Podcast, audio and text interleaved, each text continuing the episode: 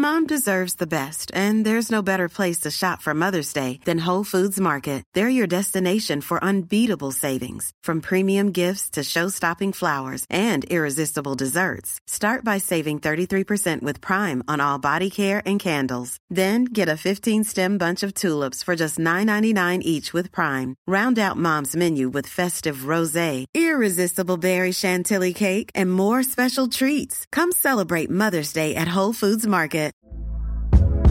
Hey there, it's Michelle Norris. I'm host of a podcast called Your Mama's Kitchen. When I travel, I'm usually looking for a way to find a taste of home when I'm not at home. And one of the things I love to do when I am at home is entertain. And Airbnb allows me to do that. When I was in California recently, I rented a house that had a great kitchen. And when we were sitting around the table, we were all thinking, we're in someone else's house. Someone could be in all of our homes as well. If you have a home, but you're not always at home, you have an Airbnb. Your home might be worth more than you think.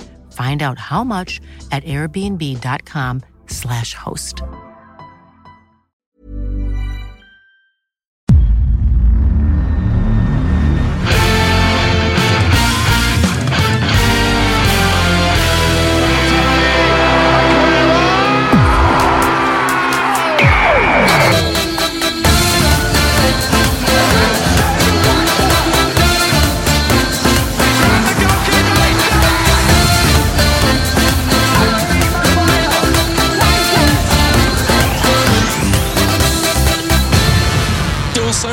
Hjärtligt välkomna tillbaka till ett nytt avsnitt av Rule Britannia. Det är söndag söndagkväll den 18 februari. Vi har nått fram vid slutet av det som eh, Fabian försökte sälja in som en Super Sunday. Istället så bjöds vi på eh, League One-fotboll från Bramall Lane och sen Fabian har vi sett stora, stolta, starka Manchester United stå uppställda i två block och försvara den ledning man skaffade sig efter 36 sekunder mot eh, Luton Town. Det, är- det är klart det är kvalitet på grejerna. Alltså jag tycker faktiskt andra halvlek är ganska bra. Alltså så här, alltså I en 2-1-ledning, sen ja, är man Manchester City så kan man ju fortfarande kontrollera. Men där Manchester United är idag. Jag tycker att första halvlek är katastrofal efter de här liksom två snabba eh, slumpmässiga målen. Men i andra halvlek när Johnny Evans kommer in och liksom styr upp saker och ting så tycker jag faktiskt att United gör det relativt bra. och liksom Man ska göra både ett och två mål via de där omställningarna. För man, eh, det, det är likt alltså Villa-matchen och Tottenham-matchen. När man, liksom, man, man får chansen och kontro. När man är i ledning ska man utnyttja den. Det jag ställer mig extremt jävla tveksam emot är att man har den här taktiken från första början och liksom inte kan kontrollera spelet borta mot Luton som ska vara så fruktansvärt mycket sämre. Och liksom, det är bara att kolla på budgeten och spelarvärde och lön, löne, eh, lönestruktur och allting. Så uh, var ju det som jag reagerade på ganska mycket i första halvlek. Men en, en skön seger och fyra raka segrar är positivt samtidigt som man är obesegrade 2024. Eh, så uh, ja, det Det ni ta med. stolta Det jävla röda jävlarna från Manchester. Vi, det, vi är på så jävla fint! Ja, det är bra. Det är bra. Ja, jag tänkte innan vi, innan vi börjar prata om all den eh, fotboll, för eh, vi brukar slentrianmässigt eh, slänga oss med att det har varit en fullpackad jävla fotbollshelg, men jag tycker den här har haft något extra. Kanske också för att jag i och för sig har konsumerat varenda jävla sekund. Vi brukar ju fysiskt träffas på lördagar och göra Tutto Live Weekend, men vi fick vara utan varandra den här helgen. Jag fick kasta in handduken. Jag har legat riktigt feberdäckad ett par dagar, så måste ju stämma av bara hur fan läget är med dig. Hur går eh, liksom kroppens återgång till det normala efter eh, alla sviter från fotbollsmatch och annat? Alltså det känns ganska bra. Jag har varit ute och löpt idag, eh, 17 kilometer. Fan, det är ingen som vill höra om att jag löper. Det är jävla Och framförallt inte brag, 17 men, eh, kilometer. Det, är så Nej, jag osympatiskt vet, att slänga ur jag sig. vet, jag vet. Framförallt Slängde tänk på folk som lyssnar på detta måndag morgon. De har funderat på att gå till gymmet. De sket i det, sov lite längre istället. Sitter på bussen, kanske försenade till jobb. Och så ska de höra dig att du var ute och sprang 17 kilometer. Nej, Nej. tänk Nej, men på alltså- folket där ute. Alltså folk borde se det som en jävla inspiration. Att igår så är ju min dag alltså spelar in Total Eye Weekend med Spångberg, med Svanemar, med Wilbacher. Går och tar en liten öllunch efter det. Eh, fan tog jag? Åkte taxi till Tele2 Arena, kollade på Hammarby Västerås, skulle se min broder Kim Hellbergs eh, tävlingsdebut, gick åt helvete för honom. Eh, sen så in till stan, kolla på Eh, fan var vi? Någon, någon jävla bar. Kolla på, kolla på Chelsea, City Chelsea. 1-1 där, vidare till Supper. Sen tänker man så här, ska man köra helhjärtat? Och så tänker man, nej, jag ska åka hem. Så 23-25 tåget hem. Alltså ganska många öl in. Men ändå idag så är man stark och löper 17 kilometer. Det är bara att du kallar mig mitt smeknamn som jag förtjänar. Mallen mallen. Fy fan. Vill man, vill man ha inspiration, då sitter man och följer liksom tveksamma konton på Instagram. När man lyssnar på Rule Britannia, då vill man ha misär i en timme och inget annat. Det, vi måste vara tydliga med vilket folk vi når ut till. Och det är inte folket som vill höra om 70, 17 kilometer löpning på söndagar. Nej, mer min fotbollskarriär. Och, eh, ja, men jag är positivt överraskad. Det känns ganska bra. Jag får huggningar i ryggen ibland när jag ligger ner, eller när jag sitter, ner, sitter upp. Men uh, vi får se. Jag ska, jag ska dit imorgon. Vi får se helt enkelt. Så jag, jag är hoppfull inför eh, tävlingsmatchdebut nästa helg. Det vart ju 0-2 förlust i helgen i Östgötacupen. Så man måste ju man måste in och styra upp det där va. Ja, men det, det förstår jag. Det var, det var väldigt fint annars. Jag, I eh, frånvaro från att eh, kunna närvara på plats så rattade jag såklart in er sändning under lördagen och det börjar ju med att du fick axla ett väldigt kort programledarskap i alla fall. Mycket Vad tyckte du om min påa? Det är typ tredje gången jag gör det i mitt liv. Jag skötte det superfint och du, du flaggade ju tidigt upp då. För det var ju du och August Spångberg som inledde med att eh, äh, men eh, Bylund fick kasta in handduken, eh, ligger hemma febersjuk och, och kvider och klagar. Och medan man då sitter där och kollar på det tar det ju liksom tre sekunder, ringer det. Mamma ringer. Hon bara, hör att du är sjuk, hur är läget? Så det, det är så fint då. Mamma och pappa har alltså som tradition på lördagen att de rattar in Total Weekend 11 till 13. Sen ligger ju pappa kvar bara i soffan, tar sig an Premier League-lördagen från 13.30. Då börjar mammas dag. Men de sitter ändå bänkade två timmar Total Weekend. Det, det är en målgrupp vi inte ska glömma när vi gör lördagarna framöver i alla fall. Nej, det, där, det där är fan fint. Alltså, min mamma förra året när jag gjorde VM-sändningar borta på, på Dobb så fick jag reda på ganska sent att min mamma satt ju liksom och kollade på det där. Och när jag hade liksom hottakes och fick folk emot mig i chatten så kunde mamma ringa och vara så här. Alltså, folk är dumma mot dig Fabian. Hur mår du? Och jag bara, du kollar. Jag är skitglad. Men jag bara, nej men det är så det är. Folk, det finns troll överallt. Och liksom, vågar man tycka mycket så kommer alltid folk. Så nej, men det, det är fint att eh, våra, våra föräldrar konsumerar det vi gör helt enkelt. Eh, och, ja, men, fan, målande bild att, du, att de får reda på att du är sjuk. Det är 2024 vi ligger, lever i, så det, det tycker jag är fint. Ja, ja nej, men så, så är det. Jag är, jag är någorlunda återhämtad i alla fall. Eh, febern är borta, eh, några sviter på eh, stämbanden lever väl kvar. Så vi får se om du får kanske axla lite extra ansvar i olika utläggningar här. Men vi, vi ser hur mycket rösten håller till. jag, jag kollar på repris på det studion och Sheffield United och det var, det var andra vinklar på, på Holgates tackling och samtidigt som Ahmed Hodzic blir intervjuad här. Där han alltså, vad vi har läst, står och säger att han inte tycker att det är rött kort. Och det, det, det är svårt att ta in. Det är svårt. Det är svårt. Vill, vi, vill vi börja på uh, Bramall Lane eller vill vi plocka ner United uh, lite mer än uh, vad vi gjorde på en minut inledningsvis? Alltså, jag vet inte om det finns så jävla mycket att säga om United. Alltså det, det, vi pratade ganska mycket United om det var förra söndagen. Och eh, jag tycker väl att jag fick med det mesta. Jag tycker att, liksom att det är eh, i andra halvlek tycker jag blir bra. Jag tycker att det är ett litet Ole Gunnar Solskär, Manchester United. Vi tar våra poäng. Vi kommer förmodligen sluta fyra någon säsong. Någon säsong kommer vi vara sexa, någon säsong kommer vi vara femma, kanske tvåa någon dag. Någon säsong om Liverpool har liksom en off-season som man har haft några gånger senaste åren.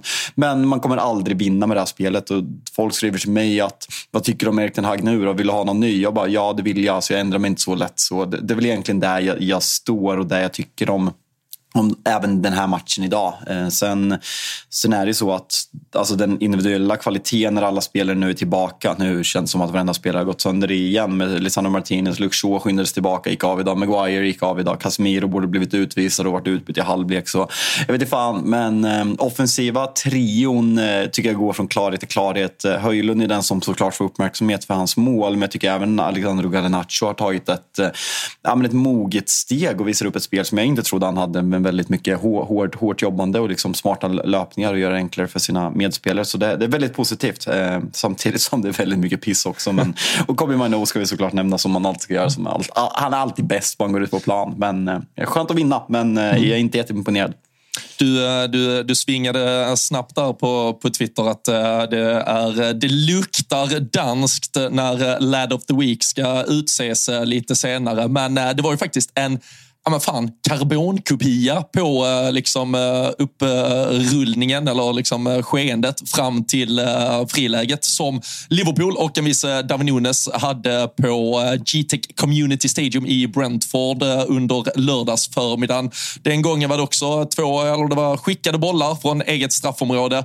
För Liverpools del så var det väl ändå Jota då som jobbar fram den, vinner duellen mot Region. Här är det ju Luton-spelarna själva som spelar fram den till Rasmus Höjlund. Varför väljer Rasmus det så tråkiga avslutet när han kunde se och lära från David Nunes under lördagen.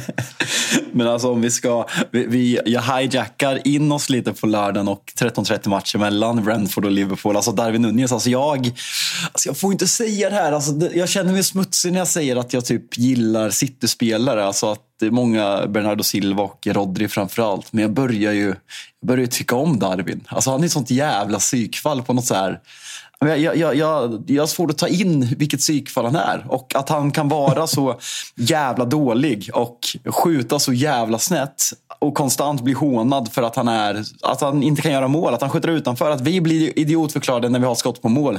han kommer inte träffa målet under skott. Alltså, du, du vet ju. Och sen så gör han det där avslutet. Vad är det för människa?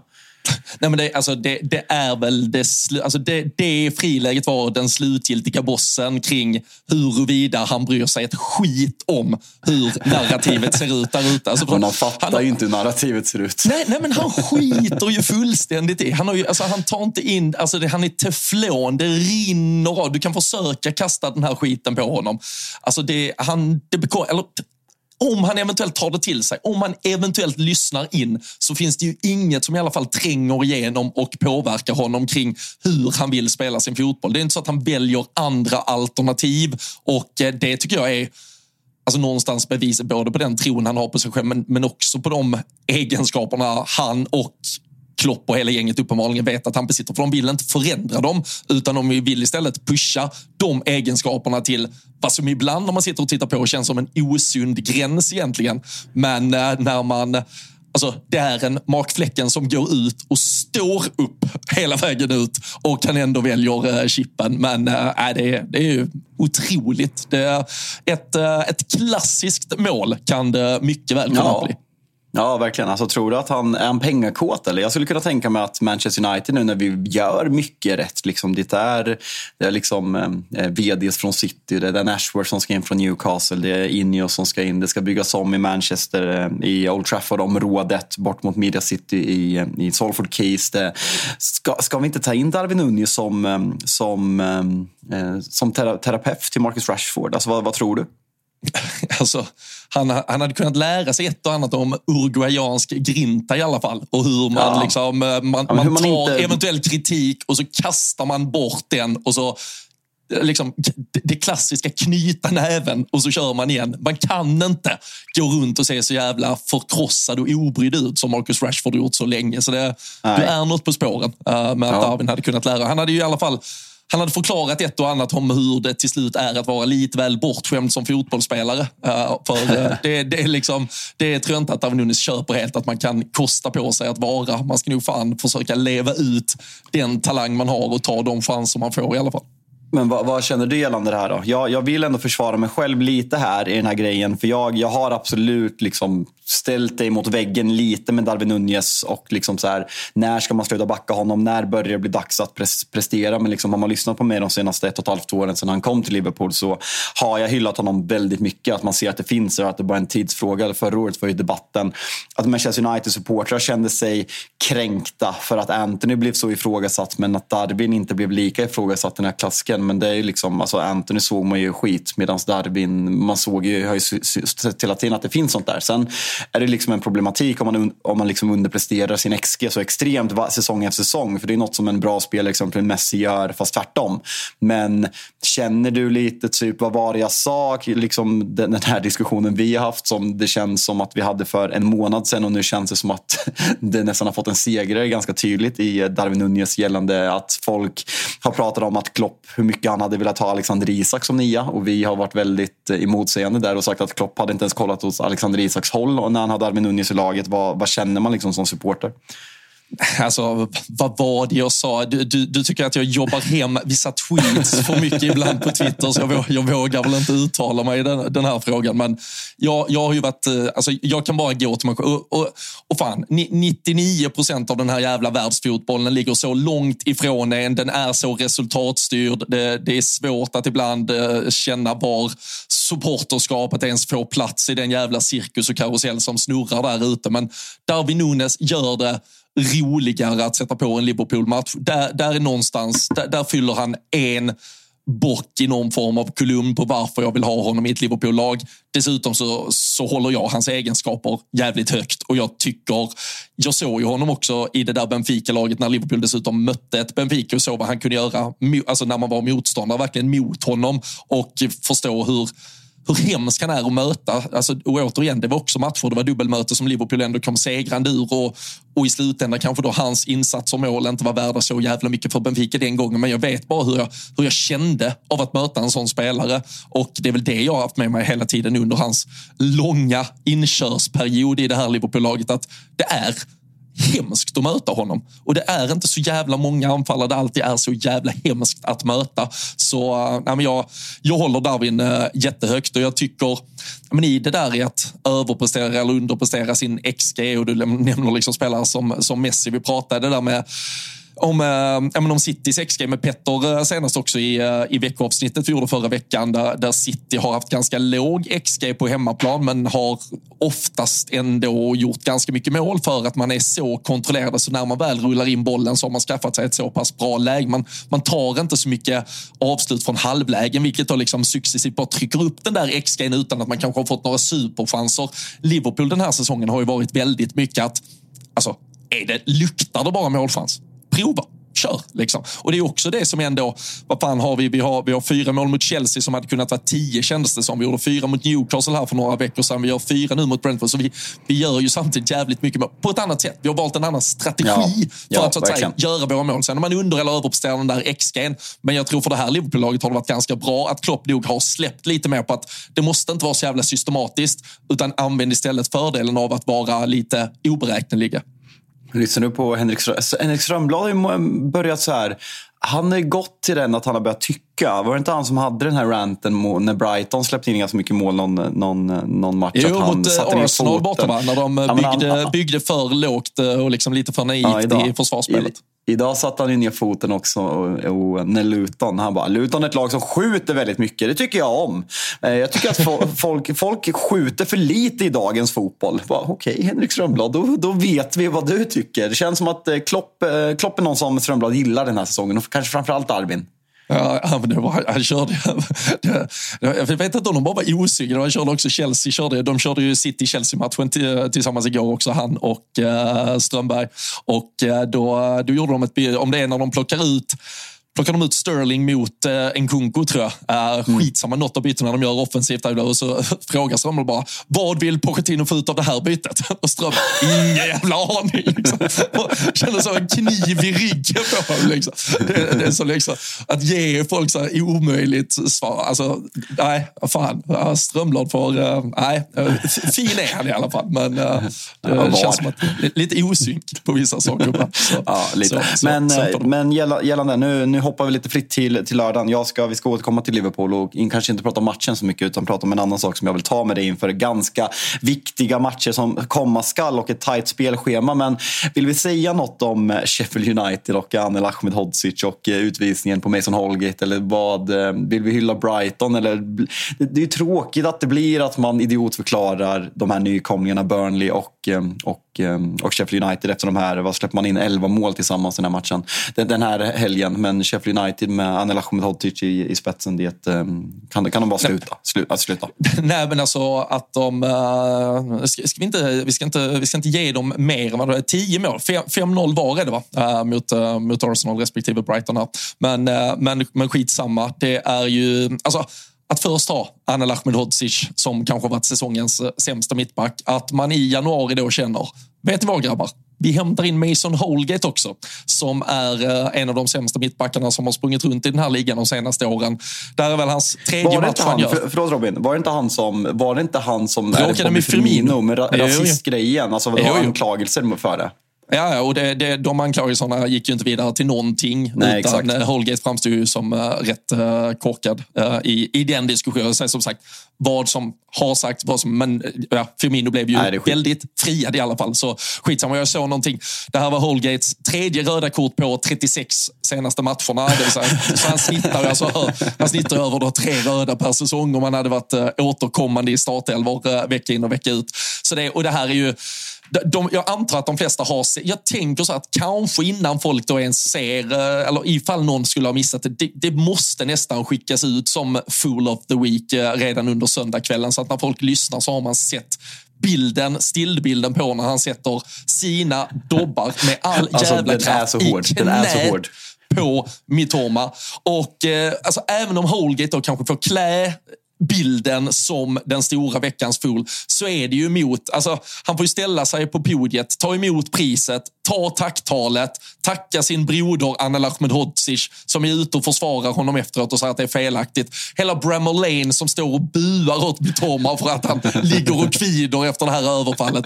Det, alltså, det, det bara stinker League One över hela föreningen och jag hoppas att de rasar genom seriesystemen. Precis på samma sätt, jag har ju legat sjuk, jag har sett den där sista lilla touchen av Sunderland till I Die som kom nu i den deppiga lilla Bara tre... tre avsnitt?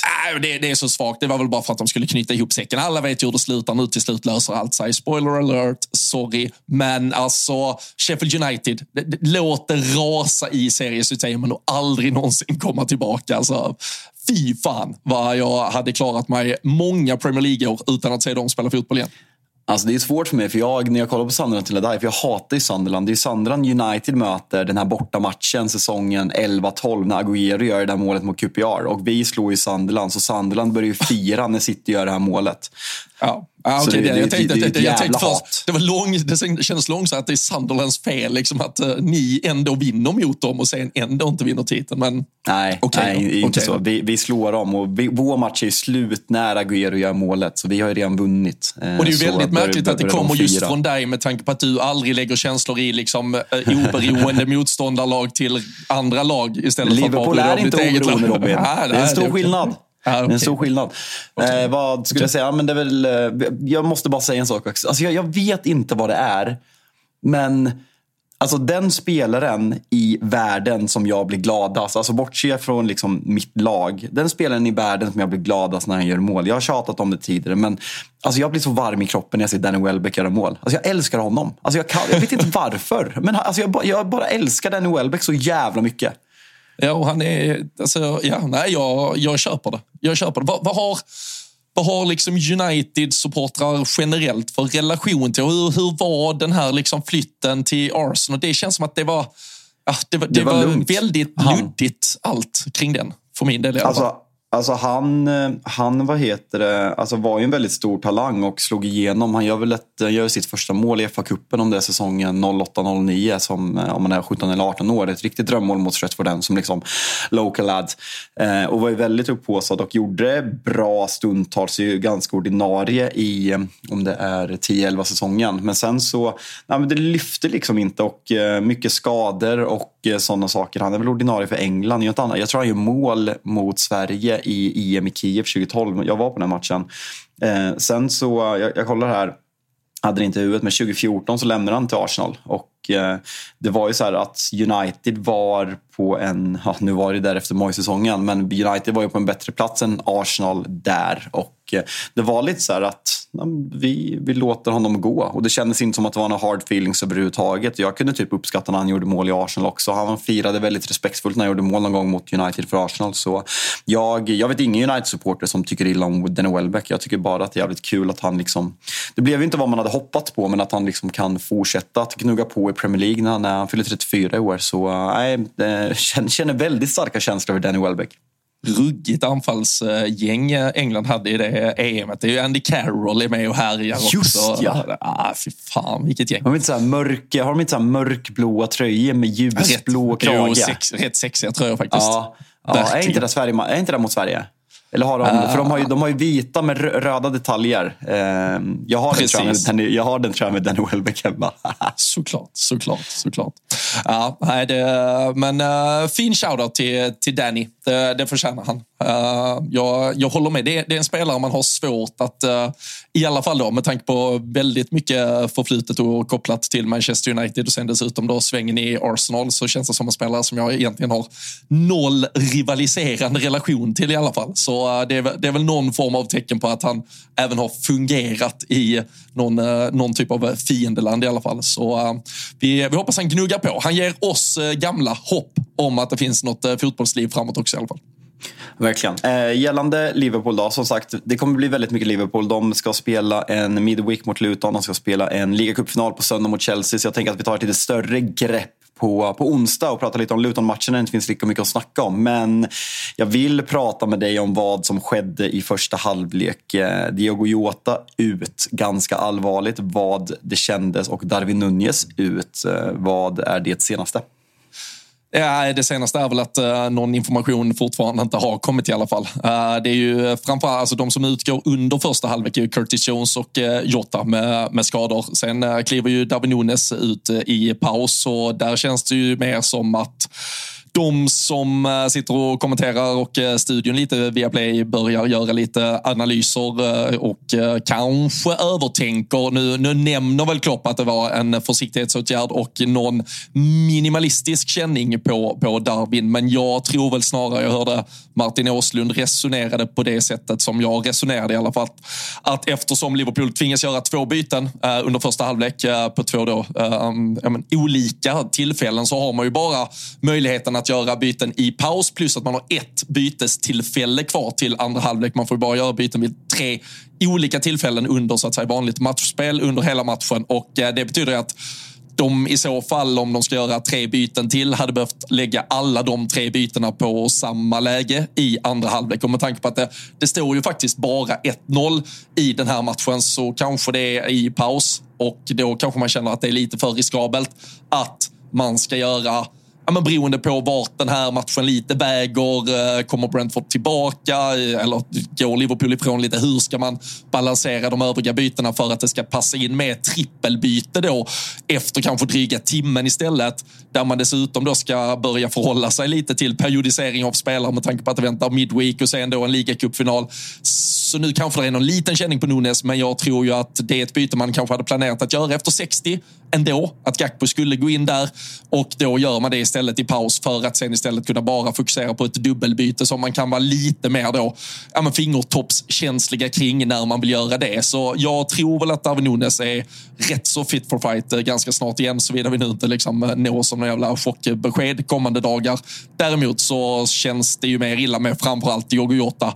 Curtis Jones såg ju mer ut som att det eh, kanske ryckte till lite i någon bad, någon smäll på ankel eller någonting. Men eh, Jota får ju, om det är Nörgaard eller vem det är, det, det är i alla fall liksom eh, dansk eh, muskler, eh, danska muskler som landar fel på det där knät och han ser ju förkrossad ut när han bärs av i alla fall. Sen, sen eh, hörde jag, jag såg inte det själv, men på någon sändning, om det var TNT som hade någon uh, sändning på det, så, så ser man väl faktiskt att han linkar lite i spelartunneln efteråt. Vilket kanske ska vara tecken på att det inte är det allvarligaste form av eh, knäskada i alla fall. Men det är klart det är illavarslande med tanke på också hans historik och hur ofta det tyvärr ser ut så här. Två, tre fantastiska månader, två, tre månader vid sidlinjen. Hmm. Ja, det, det, det är irriterande med Jota, för man, man, det, det är som du säger, alltså, jag ska inte jämföra Jota med Danny Welbeck, men det är en spelare som jag verkligen har svårt att tycka illa om. Alltså, han känns så här, svårt att sätta fingret på exakt vad han är bra på, men han är bara så här, han är jävligt, jävligt bra när han spelar. Det är alltid mycket poäng. Jag, jag fick en statistik skickad till mig Robin och vi är ju spretiga, det gillar vi vara. Men om jag drar en liten quiz till dig.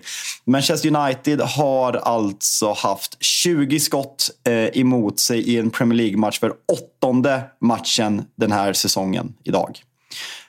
Hur många gånger tror du Liverpool har haft 20 skott eller mer mot sig sen Jürgen Klopp eh, tillträdde 2015 i Premier League? då, då gissar jag på sju och att ni därmed nu har passerat eh, oss eh, bara den här säsongen. Nej, det är två. Det är två gånger.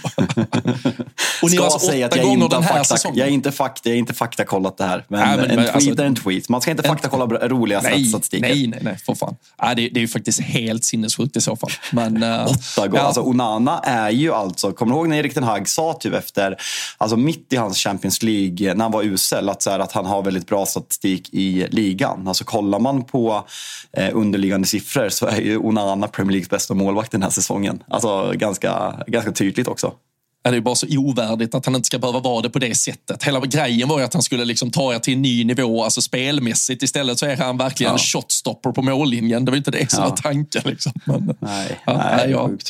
Det, det, det, är statistik det med. Det, jag, jag har eh, faktiskt lite annan statistik när vi ändå har, eh, har valt att uh, snöa in oss där. Det var ju en viss Mohamed Salah också som var tillbaka och uh, vi, vi ska inte fastna mycket mer i Liverpool. Men 1 plus 1 noteras i alla fall. Poängen fortsätter att uh, trilla in oavsett om det såg lite kantigt och, och lite eh, sådär uh, halvsynkat ut uh, vissa gånger. Något friläge där han gör en magisk första touch. Uh, usel andra touch. Missar sen avslutet helt och hållet också. Bränner bollen i stort sett. Men som vanligt så brukar det ju sluta med att han ändå levererar i målprotokollet. Då, då skickades det ut också de här då, TNT Sports. har, har börjat köpa på sig ganska mycket mer rättigheter.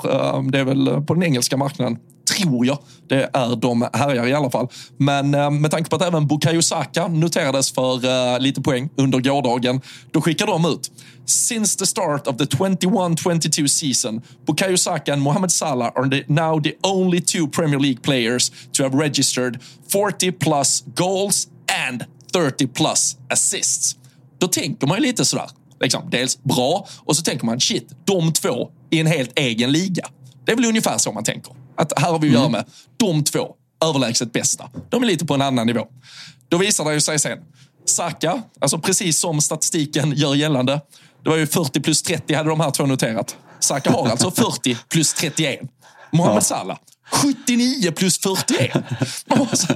Varför är den här statistiken relevant? Känslan är att en Arsenal-supporter som har gjort den statistiken. Men man bara så, det kan ju inte, det kan inte ta bild på båda två och skriva här har vi två killar på 40 plus 30 när den ena har 79 plus 41. Det är helt... Äh, blev jag förbannad igen såklart.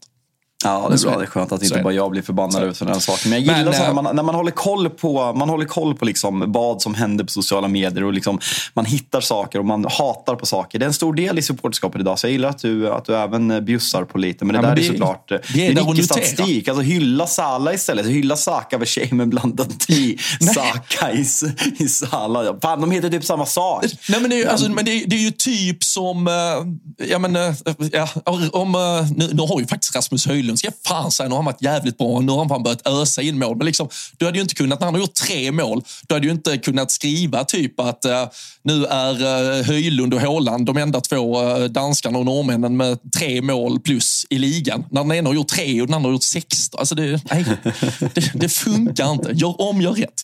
Men skitsam. Skitsamma. Men eh, vi ska ju även bara kort nämna eh, att eh, Allison out igen också för Liverpool. Så det är ju en skadekris, men vi ska väl diskutera den i veckan, tänker jag, när vi får lite mer svar. Och med tanke på att det är ett Liverpool som eh, förbereder sig för en eh, cupfinal på söndag. Ja, när spelar Arsenal? Är det tisdag eller onsdag? Jag har faktiskt ingen koll. Arsenal spelar på onsdag, Liverpool spelar på onsdag, City på tisdag. Så det blir ju en eh, torsdag morgon sätter jag mig på en eh, balkong i Palma, Fabian, och ringer upp dig. Och så tar vi en mysig sittning. Ja, fan vad nice. Ser jag fram emot. Jag ska det... på livesändning uppe i Stockholm på tisdag. Watch Along Champions League som vi rekommenderar alla att kolla oh, på. Det var svinkul förra veckan. Vi kör både tisdag och onsdag den här veckan också. Vad, eh, vet du vad, vi ska, vet vad vi ska prata om först innan vi går in på den här jävla superlördagen? Nej, så du får gärna filma in. Nej, att vi är sponsrade av ATG, precis som vanligt. Oh. Våra fina, kära vänner på ATG. Och eh, såg du vad det var 100 dagar till om det var i torsdags? Det är jag faktiskt fullt medveten om, för den, den ligger faktiskt uh, i min egen kalender också. Det är Elitloppet. Jag, jag har ju blivit liksom uh, torsk på häst efter att vi var där i höstas och uh, nu spelar man ju sina ja, men lördagssystem. Det är ju fortfarande mer väldigt bara roligt än särskilt vägvinnande för min del. Man försöker ju outsmarta systemet och, det går ju som det går. Men, men just att man kan ja, men skapa olika grupper, spela tillsammans spel, bjuda in stolarna eller så snurrar man runt det lite, någon lägger, man, man delar på den kostnaden. Man har någonting tillsammans vid sidan av fotbollen att uh, följa på lördagen. Jag, jag tycker den är jävligt... Och det, vi ska ju vara ärliga. Ibland är det ju faktiskt så, eller det vet väl fan alla, lördag 16, där ligger ju inte den hetaste matchen. Så att liksom växla mellan matcherna där, tre, fyra matcher, kolla lite boll och så har man då var 20-30 minut ett lopp att följa på hästarna också. Det är alltså dundertips att ta med sig för att krydda lördagen. Ja, det är fan mysigt och eh, ser fram emot eh, nedräkningen mot eh, Elitloppet. Ska redovisa vår trippel som inte satt. Det började jävligt bra med Arsenals överkörning mot Burnley men hade under 3,5 mål i Newcastle mot Bournemouth och det stod 0-0 i minut 50 och då kände, skrev jag till dig att jajamensan, nu så. Men nej, Newcastle gjorde två och släppte in två. Sista målet var i 93. Så den sprack ju. och Sen sprack den även på handikappet på City som inte lyckades besegra Chelsea med två mål. En match som vi ska prata mer strax dags om. Eh, men där vet ni hur läget är helt enkelt. Så nya tag till helgen med både Big Nine och nya tripplar som vi presenterar förhoppningsvis i torsdagens avsnitt. Eh, glöm inte att man måste vara 18 år för att spela. Har man problem med spel finns stödlinjen.se till hands. Mom deserves the best, and there's no better place to shop for Mother's Day than Whole Foods Market. They're your destination for unbeatable savings, from premium gifts to show-stopping flowers and irresistible desserts. Start by saving 33% with Prime on all body care and candles. Then get a 15-stem bunch of tulips for just $9.99 each with Prime. Round out Mom's menu with festive rosé, irresistible berry chantilly cake, and more special treats. Come celebrate Mother's Day at Whole Foods Market. Hi, this is Craig Robinson from Ways to Win, and support for this podcast comes from Invesco QQQ, the official ETF of the NCAA. Invesco QQQ is proud to sponsor this episode and even prouder to provide access to innovation for the last 25 years. Basketball has had innovations over the years too. We're seeing the game played in new ways every day. Learn more at Invesco.com slash QQQ. Let's rethink possibility. Investco Distributors, Inc. Burrow's furniture is built for the way you live. From ensuring easy assembly and disassembly to honoring highly requested new colors for their award-winning seating, they always have their customers in mind. Their modular seating is made out of durable materials to last and grow with you. And with Burrow, you always get fast, free shipping. Get up to 60% off during Burrow's Memorial Day sale at burrow.com slash ACAST. That's burrow.com slash ACAST. burrow.com slash ACAST. Så är det. Och uh, vi, uh, ska väl, vi ska väl ta oss så sakteliga mot, uh, mot Etihad, tänker jag. Kanske att vi sparar den som en liten, liten nugget. För jag tycker ändå att Arsenal, nu, nu har de verkligen fått sin beskärda del. Arsenal. Arsenal FC! Ah, de är så bra. De är så bra. Det är lite, li, lite kul att eh, någon också skrev på Twitter efter att Liverpool hade vunnit med 4-1 mot Brentford. Klopp firar med de tillresta supportrarna genom att eh, göra Artetas klassiska fistpump mot eh, publiken. Tyckte jag var roligt i alla fall. Men mm. sån är jag. Men fan vad de har tryckt den där jävla gaspedalen i botten och visat att allt det där som kändes lite osäkert kring jul och nyår och hur de skulle göra mål framåt. Nu vet man ju knappt hur de inte ska göra fyra, fem, sex mål framåt. Eh, här tar det ju fyra minuter innan Ödegård har tryckt in och borrat in eh, 1-0 och sen öser de eh, bara på. Det jag kan tycka, och det här är liksom inte för att leta eventuella problem eller sprickor i, i detta Arsenal, men det gör mig lite ändå brydd att Mikael Arteta inte har mer tro på truppen än att han fan fortsätter köra Declan Rice i 80 minuter trots en 4-0-ledning. Han börjar väl snurra av några av de första spelarna när det står 4-0 efter typ 65-70 minuter. Det, kan det inte kosta dem? Alltså de har haft tur med skador den här säsongen. hade de delvis förra, men det började kosta dem när det kom någon skada på för viktiga spelare under våren. Det, alltså, jag vet inte, alltså det är klart, håller detta så, så är ju det superbra. Men är det inte ett lite våghalsigt spel ändå? Absolut, och eh, Jorginho är väl, får väl man of the match i matchen mot Liverpool. Sen har han suttit på bänk två matcher efter det när man har avgjort extremt eh, tidigt. Så där, där skulle man absolut kunna spela Jorginho i en Declan Rice-roll. Men han är ju väldigt vital, alltså energin, att du har fysiken. Plus liksom, Jorginho är mer en kontrollerande sexa. Så en, kommer inte på någon på rak arm, men liksom en mer, eh, det är en annorlunda spelartyp. Men Alltså jag, jag, såg verkligen inte det här komma. Och vi har liksom, jag, jag har väl kanske varit lite försiktig när vi har pratat om Arsenal den här säsongen. För liksom de har ju hängt med. Men jag tycker verkligen inte att det har sett lika fröjdigt och frejdigt ut som det gjorde förra säsongen. Då jag tyckte att man var, ja, men jag tyckte man var så jävla bra förra säsongen. Jag tyckte att det var otroligt roligt att kolla på Arsenal. Och det är lätt att, liksom, att många har pekat på eh, värvningen av Kai Havertz och liksom att han har kommit in istället för Xhaka på den rollen. För annars är det ju snarlikt jag, jag, tyckte att problemet började ganska tidigt. Att man kände, fan Arteta, vill han vara som Pep? Vill han liksom åter, återuppfinna sig själv fast han inte behöver det? Gabriel tyckte jag var helt fenomenal. Jag var skeptisk till honom tidigare men jag tyckte han var helt fenomenal förra året tillsammans med William Saliba i, ett, eh, i en eh, central backlinje och med Sinchenko som inverterar och eh, Ben White i höger. Att man sen värvar Julian Timber tycker jag var ja, men positivt. Men att man sen ska spela en fyrback och peta Gabriel där i början tyckte jag liksom var varför ändra något som fungerade så fruktansvärt bra förra året. Och eh, nu gick han sönder. Det var ju jävligt oturligt såklart för honom. Men jag tror att Arsenal, jag ska inte säga att de har gynnats av det. Verkligen inte för rotationen hade kunnat vara så mycket bättre, absolut. Men Gabriel och William Saliba är ett av världens just nu bästa mittbackspar. Kanske rent av det bästa. Alltså Arsenal släpper inte till några målchanser överhuvudtaget. Det är inte bara att man är ja, men för första gången den här säsongen helt överlägset jävla bra offensivt. Man släpper inte till en enda målchans. Och det, det är så fruktansvärt imponerande över hela laget. Och nu har man alltså resultatradan. 5-0 mot Pallas, en stark 2-1-seger mot Nottingham borta, en extremt imponerande 3-1-seger hemma mot Liverpool och sen är det 6-0 borta mot West Ham och sen 5-0 borta mot Burnley. Det är svårt att ta in hur jävla bra Arsenal är just nu. Ja, och sen nu väntar väl, nu har jag inte spelschemat framför mig, men det väntar väl en, två eller tre ganska trevliga matcher för dem till i ligaspelet.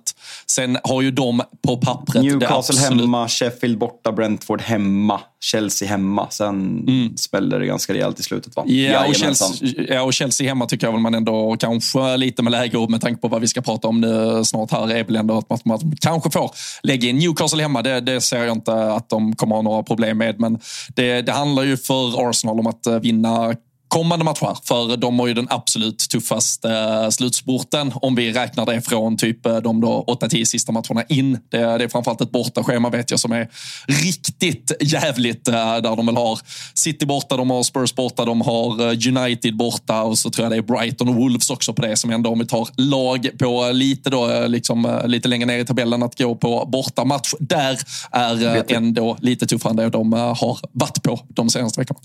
Vet jag noterar också att Arsenal spelar returmatchen i Champions League den 12 mars hemma mot Porto 21.00.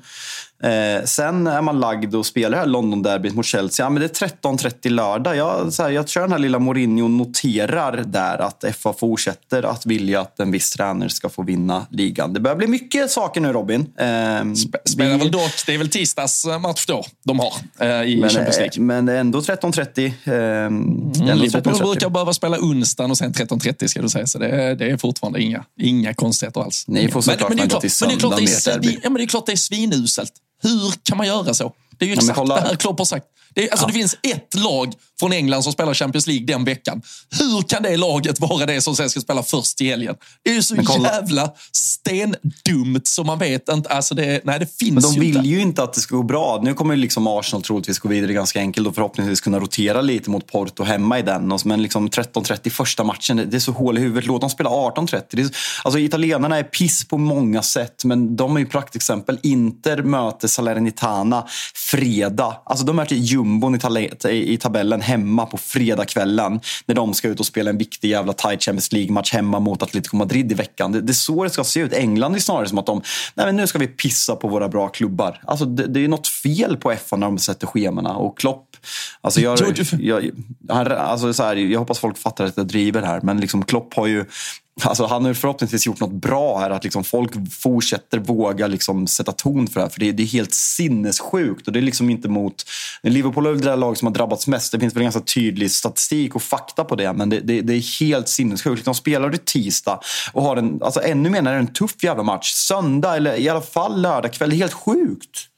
Ja, och när det är så uppenbart som det för, alltså, dessvärre har varit så många gånger att det finns kanske ett, två lag du verkligen bör i alla fall försöka göra någonting åt. Då lyckas du ofta hitta den sämsta av alla tänkbara eh, speltider för dem dessutom. Det, det är så idiot. Och, och, där kan man ju liksom, det här är ju det här är ju det enkla att lösa såklart, att du får ändå svart på De spelar Europa den dagen, se till att eller då Arsenal-Chelsea läggs på en annan dag, en annan tid i steg två så har du till och med den då italienska övningen där jag är ganska övertygad om att de tittar på det där spelschemat, potentiella slutspelsdagar och till och med lägger in så att du på pappret för topplagen har lite lättare motstånd.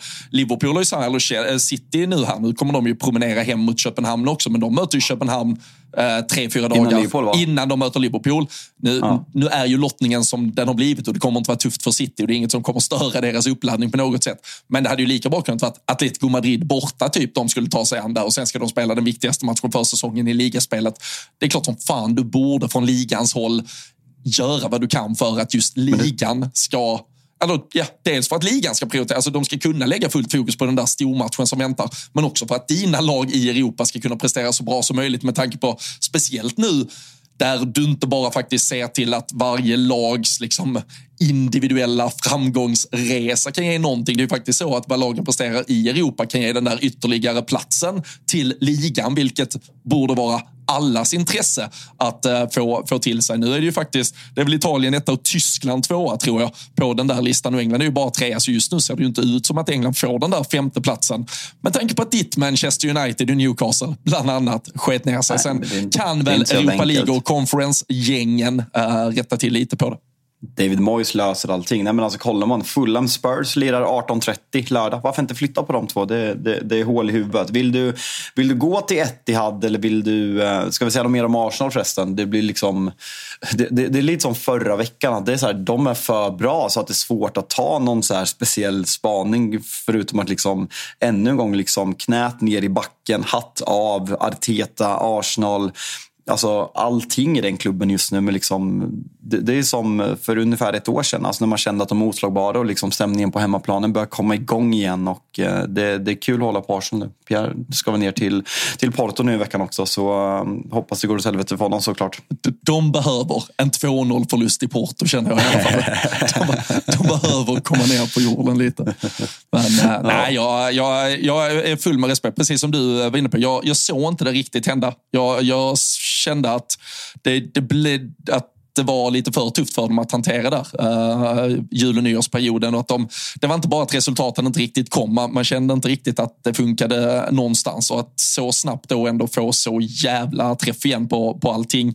Och uh, känns som, dessutom nu när man saknat Sinchenko, Kivior har klivit in istället, spelat ganska mycket. Jag tycker Ben White då istället har varit eh, helt otroligt. Det är ju snarare att man har inverterat från högerbackspositionen, att han har varit lite mer delaktig i spelet och tycker han har varit helt otrolig i det också. Så, det, så eh, på inga sätt ta någonting ifrån Arteta. Trossard delvis tvingats till det, men också att Arteta faktiskt har gjort lite val där, där han har prioriterat spelat mer. Eh, jag tycker han har fått träff på de förändringar. Han har inte tvingats göra massvis med förändringar. Han har haft ganska bra lyx med tillgängliga spelare, men de ändringar som ändå har både tvingats göras och de han ändå har försökt göra för att finjustera saker och ting. Det har han faktiskt gjort med den äran och fått eh, full träff. Så ja, eh, bara beröm till Arsenals senaste veckor och vi, vi, vi har ett jävla race framför oss med tanke på att City också visade sig mänskliga är det, i Är det tre lags race eller?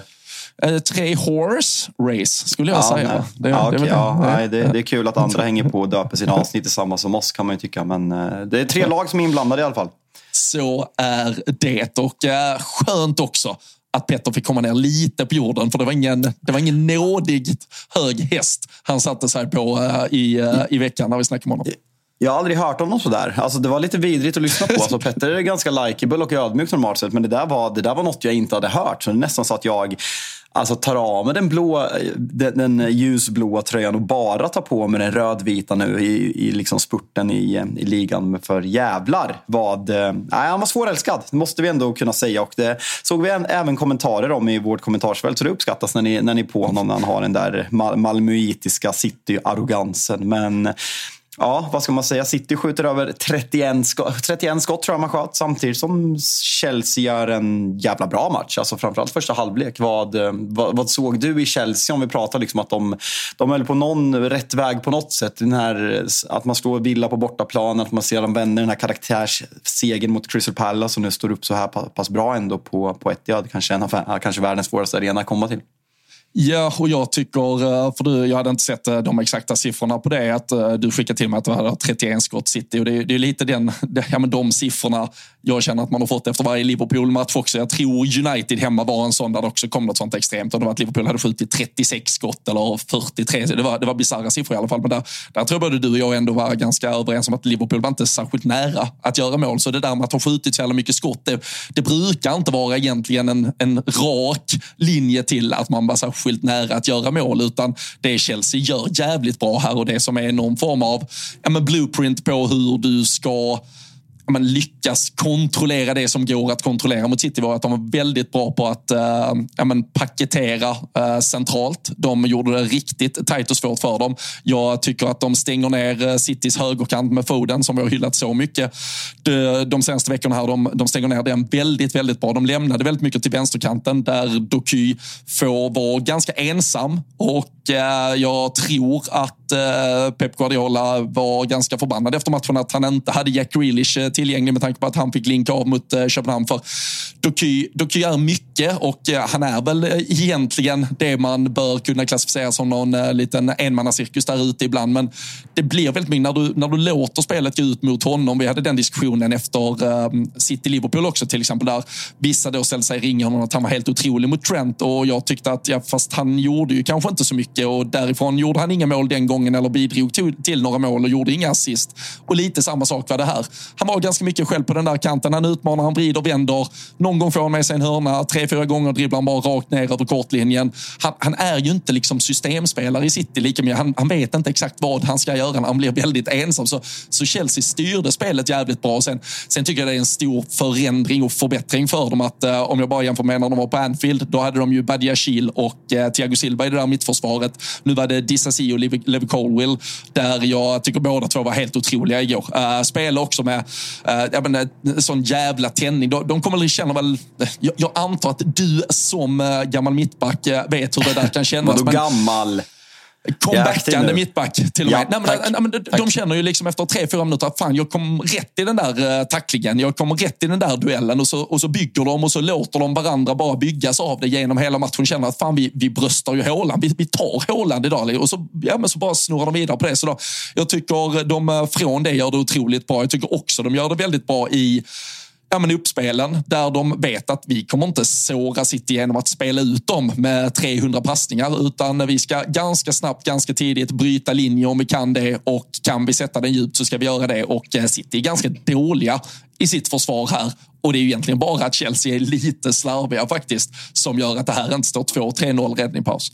Nej, alltså det där du säger, alltså som mittback är det ju, det är ju verkligen så att komma in, eh, komma in rätt i matchen och liksom sätta en tackling eller liksom sätta en passning första, första minuten är jätteviktigt. Alltså bara en referens från nytt eh, When We Were Kings-avsnitt med IFK Norrköping från 2015 så pratade Erik Niva ganska långt om Jan Anderssons beslut att sätta ner Ante Johansson som mittback. Det är nästan så att man glömmer att han har varit inne i hela sitt liv nu när hans karriär har fortsatt i nio år efter det där SM-guldet. Men de tre, eller om det är fyra sista matcherna i säsongen 2014 när Norrköping är på väg att åka ut så tar Janne det där beslutet att sätta ner honom som mittback när IFK Norrköping ligger på nedflyttningsplats och är i usel form och man ska möta IFK Göteborg på hemmaplanen. Och Ante var ja, men skeptisk. Han känner sig inte som mittback, men han liksom pratar då om att han, han går in och smäller Lasse Vibe, vinner en nickduell och Lasse Vibe flyger. Och han sa, alltså där, där kände jag, fan det här, det här kommer gå. Och han har gått tillbaka till den där situationen som liksom, det där kan ha gjort att vi hängde kvar den säsongen och att jag liksom kunde acceptera rollen att vara mittback. Hade jag förlorat den vet jag inte hur det hade gått. Så det, det är ju verkligen som du säger, att, att komma in så där,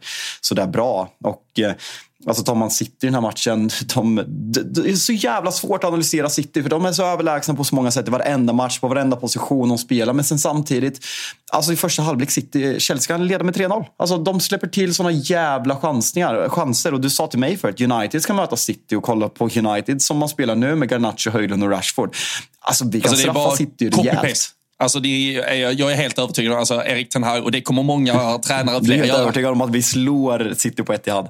Nej, men jag är helt övertygad om att uh, i stort sett varenda tränare som ska till Etihad och även möta dem hemma för all uh, del kommer att uh, titta på den här matchen och säga vi försöker göra exakt likadant. Sen, sen kommer inte många lag lyckas för det krävs också jävligt mycket och fast att Chelsea gör det så pass bra. Då, liksom som sagt, de får ändå skilja sig. Niklas Jackson är mycket, men han är fan inte klinisk när han ska avsluta och det är slarvigt och det är någon ja, men, halv meter offside på Sterling som gör att han sumpar något läge. Det är någon omställningsboll där Chilwell bara ska lägga ut den på, det är väl Sterling som är på väg igenom, det är ju från mittcirkeln och istället så lyckas Chilwell på något sätt inte sätta bollen över City-spelarna utan sätter den rakt i gapet på City-spelarna så att de inte får igenom den kontringen. Men där är ju läge till 2, 3, 4-0 i pausen. Fattar att du inte får den optimala utdelningen, men att de bara gör 1-0 kommer ju ändå se till att City håller sig kvar i matchen.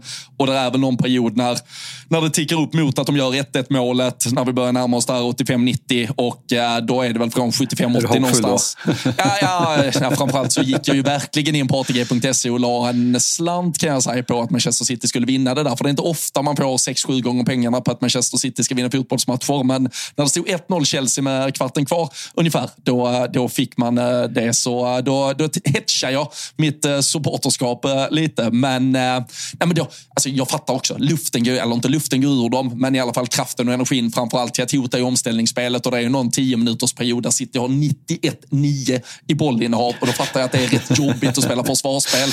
Så att de ändå alltså nästan mer imponerande över att de släpper faktiskt in 1-1, men inte släpper in 2-1. För där trodde jag att nu, alltså här kan det bli träd. Nu, nu känner Chelsea, har vi gjort allt detta för en poäng? Alltså nej, jag orkar inte stå upp mer. Men det visar faktiskt på det som vi har tjatat så mycket om de senaste veckorna, om att det finns karaktär i laget. Och eh, Conor Gallagher måste jag också i allt det. Där finns många att berömma. Malo Gusto tycker jag är fantastisk, men Conor Gallagher, alltså hans löpstyrka. Det, det, är någon Han är bra på riktigt. Alltså, ja, men, man har ja, inte riktigt gett honom den respekten. Man har mer så här, spelat men, på bollen att han är bra i ett uselt fotbollslag för att han kämpar. Spelare. Men han han är ju faktiskt bra på riktigt. Ja, och eh, alltså hans, hans arbetsinsats här. Det, det är någon situation där han, där han pressar och lyckas vinna en boll. Om vi är inne på eh, alltså 90 plus lite tillägg eller någonting där. När man känner att hela laget vill egentligen. Jag kan tänka mig att typ åtta spelare skriker på honom att bara falla tillbaka. Men han gör liksom ett ensamt pressjobb. Han, han pressar framför tre, fyra spelare. Han låg ju längst fram i deras pressspel hela tiden. Han var, eh, han var fantastisk. Uh, hade han fått uh, kröna det med ett mål eller någonting, då hade han fan varit veckans lad. Men uh, han har varit uh, otrolig för Chelsea senaste veckorna. Men vad, vad, känner du om vi, om vi tar City, liksom där, där, jag pratar om att man släpper det till så fruktansvärt mycket chanser. Alltså, kollar man den här uppställningen, man ställer, ställer upp med Rodri som liksom balanssexa på mitten. Sen framför er ett fyrmanna anfallsmittfält med Phil Foden, Kevin De Bruyne, Julian Alvarez och Doky framför Håland. Alltså det, det är liksom en försvarande spelare framför backlinjen. Förra året hade man ju, ja, som Petter var inne på, alltså Gündogan saknas mer än vad man tror. Men börjar det inte bli lite väl offensivt balanserat? Alltså, det känns som man vill tvinga in Julian Alvarez i den här positionen. Han har gjort det jättebra när han har liksom vikarierat för först Kevin De Bruyne i liksom 10 eller liksom den fria rollen, lite mer flytande. Sen har han vikarierat bra för Haaland när han varit borta också. Men liksom, ska man tvinga in honom för att liksom fucka upp balansen i en sån här viktig match? Nu vet jag att Kovacic och ehm, eh, eh, Mattias Nunes inte har varit liksom de succéerna man kanske hade hoppats på. Eller till och med Rico Louis som även han har spelat centralt mittfält. Men jag tycker att den här balansen är alldeles för svag. Speciellt när man möter ett lag likt Manchester United. Vi vet att det enda sättet som Chelsea kan straffa City på är omställningar med liksom Nicholas Jackson, Sterling och Cole Palmer. Det enda sättet de kan straffa City på. Att man ger dem chansen med den här extremt icke befintliga balansen. Jag, eh, jag har svårt att fatta det. För det var det som gjorde City så jävla bra i våras. Alltså när de vinner trippen och vinner Champions League. Att de, de slutade släppa in mål. Och du kommer inte sluta släppa in mål om du bara spelar med Rodri och sen är det liksom ja, men, pissoffensiva. Alltså Kyle Walker som spelar väldigt offensivt. Sen centreras det absolut. Men det är liksom, du anfaller med så extremt många och Rodri kliver ju också stundtals ganska högt upp.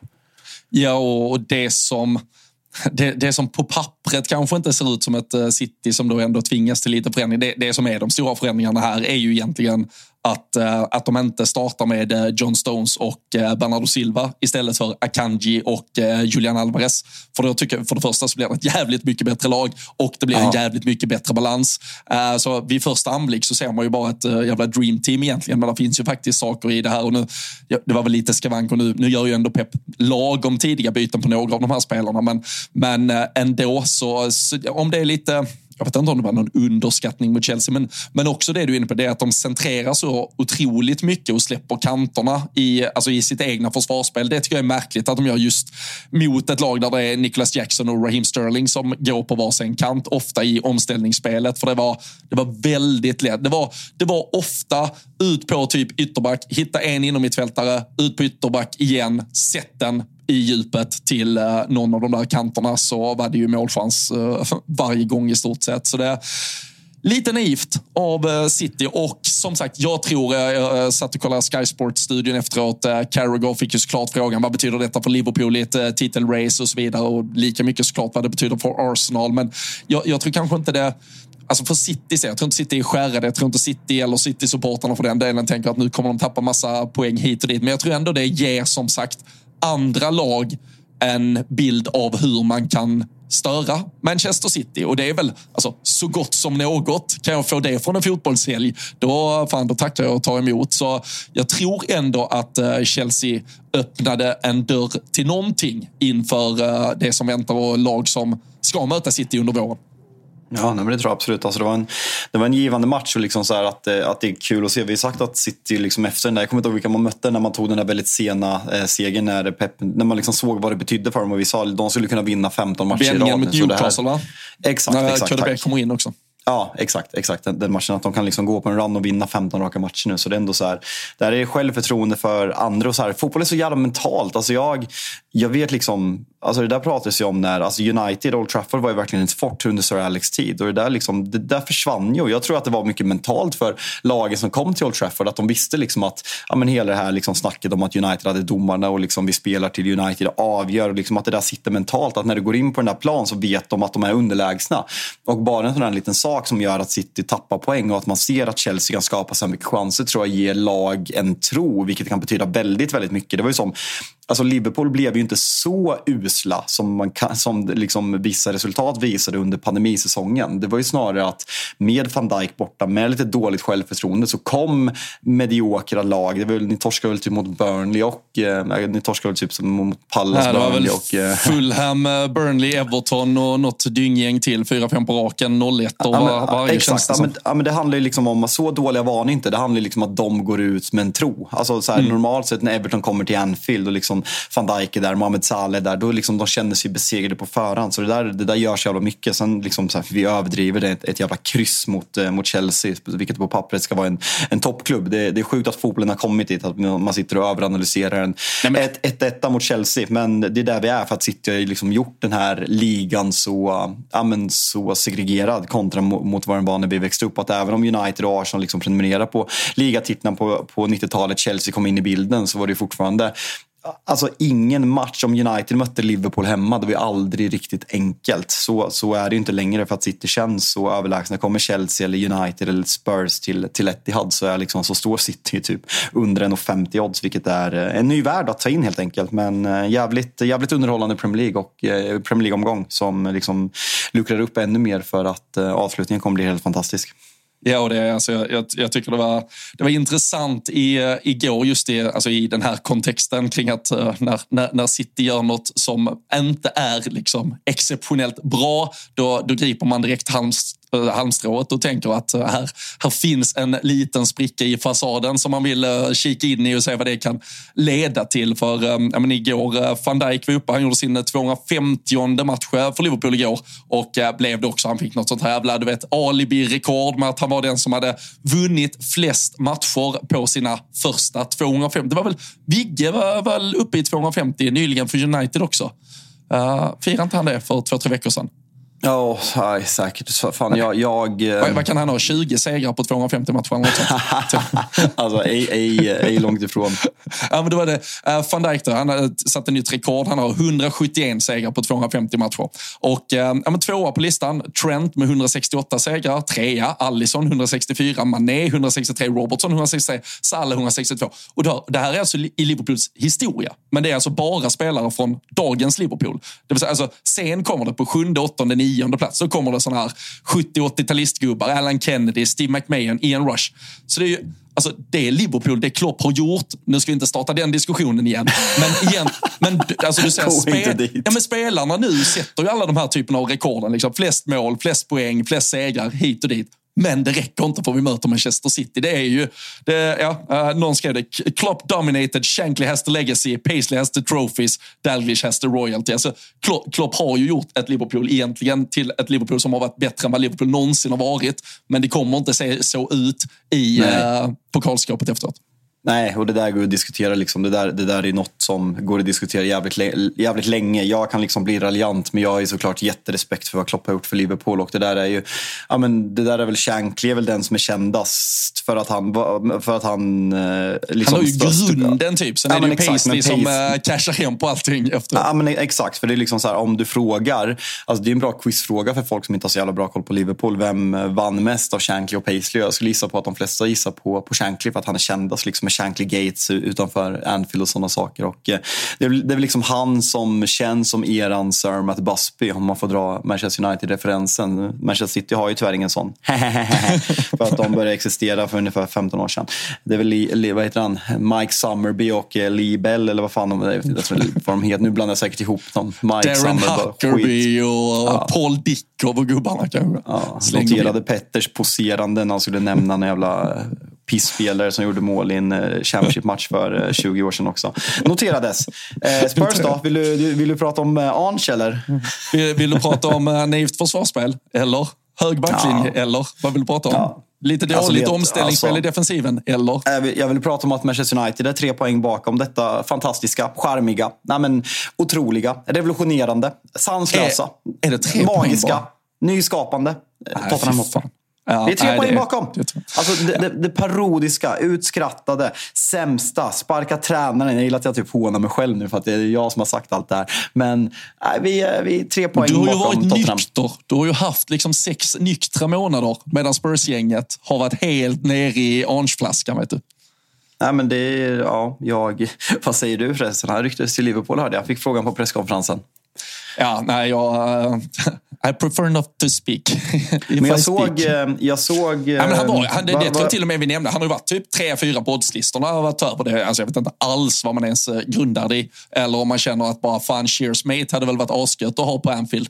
Det, men alltså, varför skulle... Alltså, jag tror inte ens Liverpool har tänkt den tanken och jag tror inte heller att Postosoglu efter att han har byggt vad han ändå har byggt den här säsongen i Tottenham skulle lämna efter en säsong och gå till Liverpool. Så nej, det är alltså noll procent sannolikhet att den händer.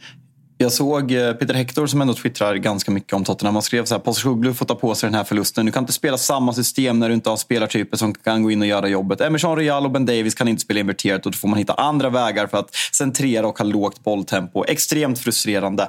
Och eh, det, det är väl lite det där jag har ja, men eftersaknat. Och då, då finns det liksom fotbollsromantiker eh, och liksom wannabe division 4-tränare som säger att man ska spela sitt, sitt spel. Alltså folk som liksom ändrar och ruckar på sina taktiker liksom aldrig kommer bli någonting. Men det där har de ju visat ganska många gånger den här, den här säsongen att man kanske måste anpassa sitt, sitt spelsätt lite då och då. Kanske framförallt när man har avstängningar och skador på vissa spelare som är vitala för sitt sätt att spela. För fotboll är i grund och botten en resultatbransch. Även om man liksom, som Erik Den Haag kanske har övergett sin filosofi för att snabbare nå resultat så måste man ändå kunna landa någonstans att det finns ett mellanting där. Och det här har ju kostat. Och liksom, man kan bli charmad och man kan tycka att det är kul att kolla på Tottenham kontra Manchester United. Men det är faktiskt under all kritik att det känns att det har varit så bra att man bara är tre poäng före Manchester United. Och eh, man, eh, man fortsätter ju tappa på, till Villa. Vi har varit skeptiska till, till Villas form och även Oskar har varit orolig att man liksom vinner match, förlorar matcher man kanske borde vinna. Den där small club mentality, att man inte har den där liksom stor kuks-klubb-lugnet som, som vissa andra har. Som, ja, men, som exempelvis United har, att man kan spela dåligt men ändå vinna. Villa behöver kämpa för sina jävla vinster men nu börjar Villa trots en liten svagare period springa ifrån Spurs som den där fjärdeplatsen och som du sa att både Italien och Tyskland är före i den här rankingen för, för att få den femte Champions League-platsen så, så ser det jobbigt ut för, för Spurs. Det var ju bara två poäng till Villa. Ja, nej, nej, men jag, jag... Är vi bara fem poäng från fjärdeplatsen Robin? ja, jajamän. We gonna win the League. nej, men det, nej, den är, det är otroligt, tror man. Jag, alltså, vi kommer komma fyra. Alltså, jag säger det nu. United Champions League. Ja, nej, jag, jag tycker inte det är inte en dum tanke du, du tänker. Ja, jag tror inte det är omöjligt alls faktiskt. Eh, som sagt, jag, jag har inte sett att eh, Aston Villa ska... Jag, jag noterar, jag imponeras. Olly Watkins eh, fenomenal här igen med två riktigt bra avslut mot Fulham och det är inte aslätt att dra till Craven Cottage och vinna, men att jag har svårt att se Villa orka och jag har verkligen däremot lätt att se Spurs fabbla bort sig lite. För jag, jag tycker, alltså, det som Peter är inne på där i, i den tweeten och kring att ja, men göra justeringar och det har inte bara handlat om spelare tillgängliga kanske. Det har väl det är ju exakt det jag tycker att vi har suttit här och pratat om. Att eh, ja, men, måste du vara så trogen din spelidé så att det kanske någonstans gränsar till naivitet och kan du inte bara acceptera lite anpassning? Vi pratar när det gällde Arsenal kring att okej, okay, Sinchenko är borta, ja men då inverterar vi från höger istället, och trycker fram Ben White och så justerar. Alltså det, vi pratar inte om att du behöver revolutionera sättet att spela fotboll. Du behöver inte liksom riva hela din playbook och börja om på något nytt, men du, du kan ju göra lite ändringar. Spelar Liverpool med Conor Bradley eller Trent Alexander-Arnold spelar vi högerbackspel på, ett, på olika sätt för det är olika fotbollsspelare beroende på vilka olika anfallsspelare vi väljer så har vi också kanske olika idéer kring hur vi vill spela framåt och det har väl många lag. Men, men jag tycker Spurs har ja, men tryckt det lite för långt. Det har jag uppenbarligen tyckt hela säsongen. Men här är det också vid ett, vid ett 1-1 läge. Man kommer ändå tillbaka i den där ja, men andra halvleken. Kulusevski petar in 1-1 efter att det har bara gått 30 sekunder i stort sett. Och, eh, och sen så är man ändå inne i matchen. Det står och väger lite. Man, man trycker på framåt. Men så ger man upp det defensivt fullständigt igen och det blir, man blir felvända. Det blir en spelvändning. Pedro Neto tillbaka höstens snabba, starka spaning lever och frodas. Och, eh, nej, men då, man blir felvänd man kommer på hälar. När han väl kommer ner på kortsidan så ja, men då har ju fem, sex eh, Tottenham-spelare sprintat i all jävla fart med benen på ryggen hemåt. Men då är de ju inte samlade och organiserade för att ta upp andra vågslöpningen. Så då är det ju bara spelarna snett inåt bakåt och så dunkar de dit den. Liksom. Så det, det är oorganiserat i eh, sättet de spelar det höga försvaret och det, det har fan i mig straffat dem klart mycket. Han kan försöka säga att det ändå är det som har skapat massa spelövertag hit och dit. Men det är omöjligt att titta på den här säsongen och inte säga att vissa anpassningar hade kunnat ge ännu bättre utfall för Tottenham. Det, det måste man fan ändå titta på det och kunna erkänna när man ser det. Och grejen med den här, jag tycker att man inte bara ska prata Tottenham med naiva och dåliga i den här matchen. Jag tycker att man ska hylla Wolverhampton. För jag tycker absolut Verkligen. inte att det här är en orättvis seger. Och vi pratade om att, nej att, uh, att Wolves som har fått tillbaka spelare nu, nu gick ju... Fan, varför har jag svårt med Nunes och Kunja? Jag vet att han heter Kunja, men jag måste tänka efter varje gång. det fått... har hängt med sig. Alltså, är det som gjorde inför ja. avsnitten under sommaren? Va? Ja, det, jag, vet, jag vet inte. För jag, du rättade mig. Jag, när jag sa fel två veckor i rad så klev du in och rättade mig. Så nu när jag ska säga Kunja så måste jag tänka, är det Kunja jag tänker på? Det, det är ju, det är ju Kunja. Kunja anfallare, som, han kom från Atletico Madrid, det var jävligt dyrt. Typ 50 miljoner pund med alla klausuler. Det var, det Absolut. var eh, men Neto är tillbaka och Wang är tillbaka och jag tycker att, nej, men jag, jag gillar Wolverhampton. Jag hade faktiskt med den här tvåan på, på mitt Big Nine-system, så jag, jag såg det här eh, komma.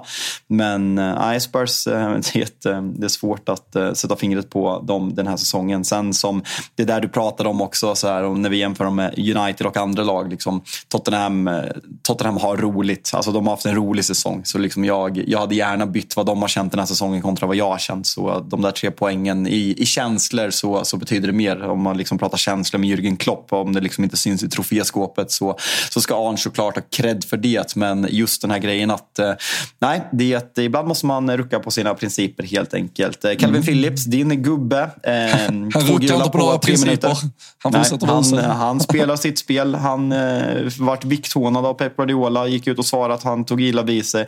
Klev in på City Ground och eh, tog två gula kort på tre minuter. Och åkte ut i ställning 0-1 till Nottingham som på övertid gjorde 2-0. David Moyes, ganska... Har man sett David Moyes sådär som han satt efter, efter, efter matchen på presskonferensen? Eller? Ja, det har man väl i och för sig. Men, Ja, men, eh, ja, men en pressad, jävligt Jo. dryg. Alltså, så här, alltså, en David Moyes jag ändå gillar, för lov att säga. Ja, ja och, det, alltså, och det är väl också så här, nu, det är inga liknelser över, men jag vet vi hade den diskussionen med, med Oskar när vi pratade Aston Villa och så här att när de låg eh, tvåa, typ häng på eh, ligaledning och allting så pratade vi att slutar ni nu femma, sexa då kommer du vara asbesviken fast att det inför säsongen typ hade varit eh, handslag och eh, spott i näven och det är taget. Och West Ham-supportrarna är ju såklart, alltså nu, nu ser det ju så pass illa ut och det finns verkligen risk för att det är en ballong som smält och att det är fritt fall vi pratar om i tabellen här framåt och då kanske det kan sluta riktigt jävla illa. Men titta, alltså tar du bara en ögonblicksbild på tabellen här och nu så kan jag ju någonstans förstå Mois att så här, ni kan fan inte vara för förbannade på var vi ligger nu. Vi har ett Europaslutspel som väntar i vår. Alltså, ni kan väl vara lite nöjda med tanke på var vi kommer ifrån och vi sålde Declan Rice förra sommaren. Så det var ju nästan att det kanske gick lite för bra för dem stundtals i höstas och under vintern som har peggat upp dem i en situation där kraven är som de ska bli, eller de blir ju alltid det med prestationer, men att de kanske är lite för, för höga. Sen är det en helt annan diskussion om David Moyes ska vara tränare för det här laget framåt ändå. Men jag, jag, jag kan förstå hans lilla grinighet i, eh, i ämnet. Alltså, det, det, kan jag, det kan jag också göra, men samtidigt, jag, jag tycker att det där är så jävla... Det, det där är en filosofisk fråga hur man ser på fotboll och det skulle man kunna prata väldigt länge om och det är väldigt många som tycker väldigt olika saker. Alltså AIK är ett praktexempel i Allsvenskan. AIK har väl de senaste 20 åren spelat rolig fotboll en gång. Och det är ju typ när Mohamed Bangora vinner skytteligan. Eh, alltså när, när man vinner guld 2 lax 9, det är ett hårt kämpande. När man vinner SM-guld 98, det, det är liksom...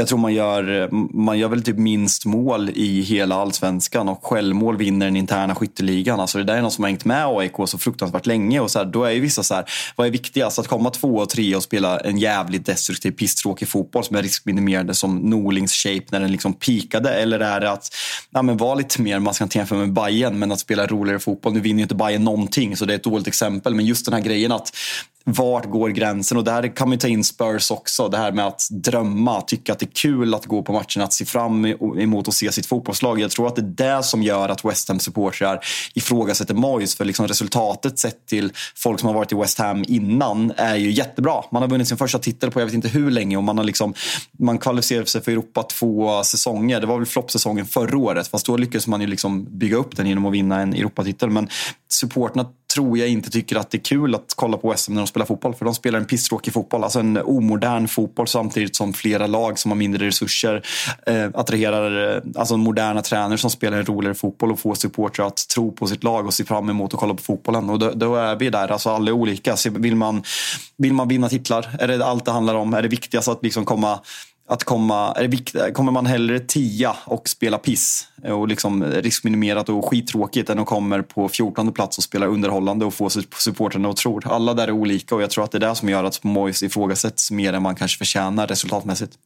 Ja, och som sagt, det, det är ju en annan fotbollsfilosofisk eh, diskussion. Den ska vi inte ta ett större, nej, och, och som sagt, jag är ju helt med på att David Moyes absolut inte är framtiden för West Ham. Jag tror att det som ändå framkallar hans känslor i det är ju, hade de nu inte varit så jävla klappusla som de varit de senaste fem, sex matcherna, hade ju tre raka torsk utan att göra ett mål, 11-0 i baken, men en seger där, så har man 39 poäng istället och ligger på sjunde plats och då är man före lag som Newcastle, Chelsea, Brighton och då är det ju ändå svårt att som West Ham-supporter peka på Moise och säga vilken jävla usel säsong vi gör. Så eh, det, det, är väl, det är väl två sidor av eh, det myntet i alla fall. Men att eh, Calvin Phillips har haft en halvkämpig start, det kan vi väl konstatera. Det var ju, han serverade ju Bournemouth till det där 1-0 målet mot, eh, mot dem i sin eh, premiär, gjorde 68 minuter där. 18 minuter mot United, gjorde en halvlek mot Arsenal. Här spelar han 71 minuter, eh, tog som sagt ett gult i 68, ett i 71.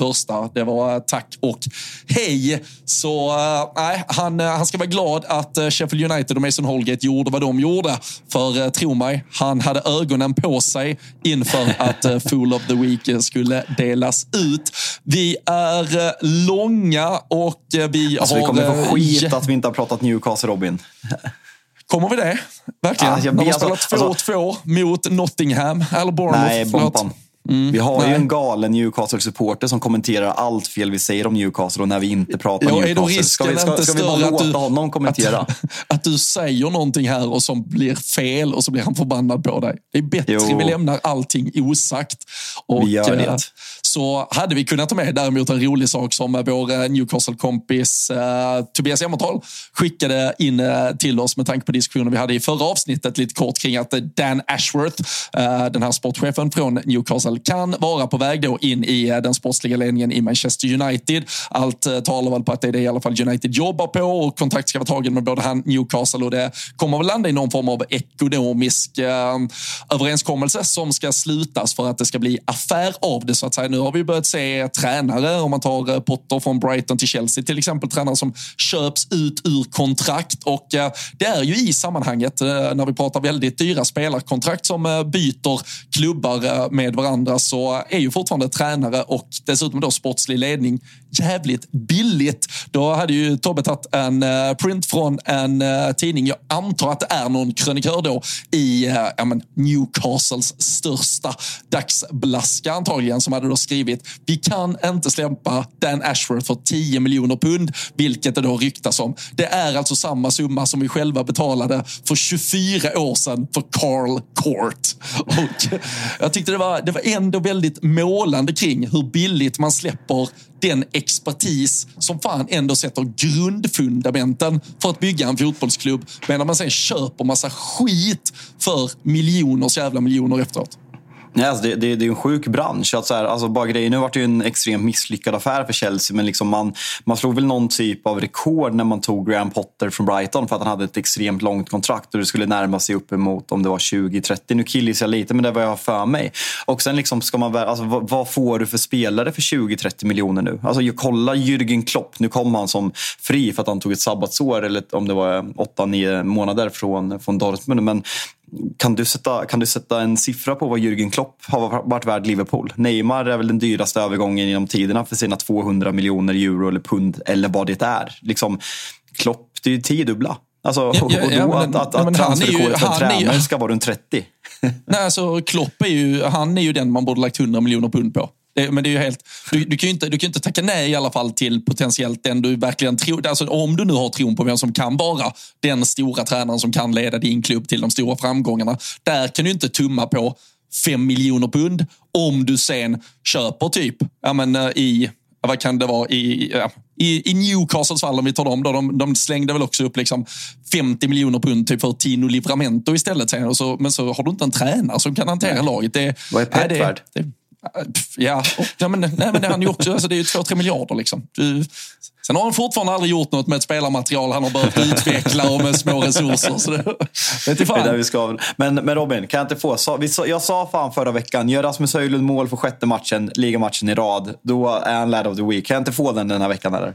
Du får att Rasmus Höjlund är lad of the week och uh, Arsenal support. Jag förstår att det är Sakas och där är lite andra som uh, Det var kan... Rice förra veckan. Exakt, exakt. Så de får, de får acceptera. Och jag, jag, jag håller Darwin till han har gjort större saker. Gör man årets mål. Så visst, det, det, det bräcker väl inte dansken, men skitsamma. Jag, jag hör dig, jag ser dig, jag noterar. Det, ko det kommer på, på söndag när han har sänkt Chelsea-finalen, för det kommer han göra. Galna Det- jävla Darwin. Det gör det. Men eh, det här blev eh, 80 jävligt härliga minuter eh, tillsammans. Vi tar eh, med eh, studs i dojan fart in i, eh, i alla fall här nere den sportlovsvecka. Jag och Pippo som sagt iväg. Du håller eh, Oh. ställningar på, på K26 i veckan och så rings vi på torsdag morgon, tar ner lite midweek-fotboll. Då både Liverpool och City har varit i farten. Arsenal har spelat Champions League och så har vi en ligacupfinal vi ska blicka framåt. Så det är, inte, det är liksom inte så att det varvar ner i fotbolls-Europa nu, utan eh, nu är det fan eh, uppvärvning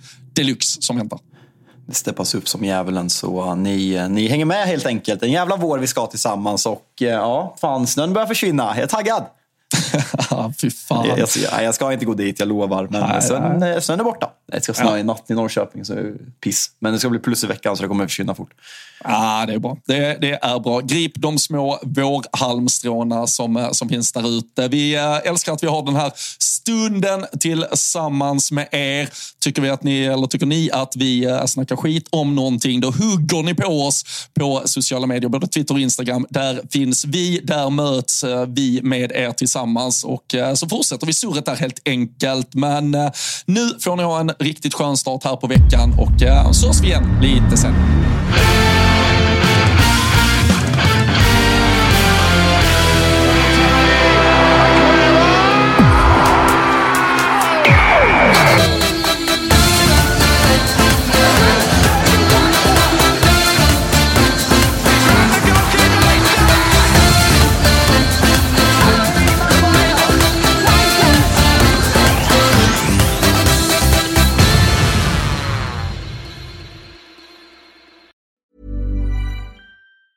Mom deserves the best, and there's no better place to shop for Mother's Day than Whole Foods Market. They're your destination for unbeatable savings, from premium gifts to show-stopping flowers and irresistible desserts. Start by saving 33% with Prime on all body care and candles. Then get a 15-stem bunch of tulips for just $9.99 each with Prime. Round out Mom's menu with festive rosé, irresistible berry chantilly cake, and more special treats. Come celebrate Mother's Day at Whole Foods Market. Mom deserves the best, and there's no better place to shop for Mother's Day than Whole Foods Market. They're your destination for unbeatable savings, from premium gifts to show-stopping flowers and irresistible desserts. Start by saving 33% with Prime on all body care and candles. Then get a 15-stem bunch of tulips for just $9.99 each with Prime. Round out Mom's menu with festive rosé, irresistible berry chantilly cake, and more special treats. Come celebrate Mother's Day at Whole Foods Market. Target.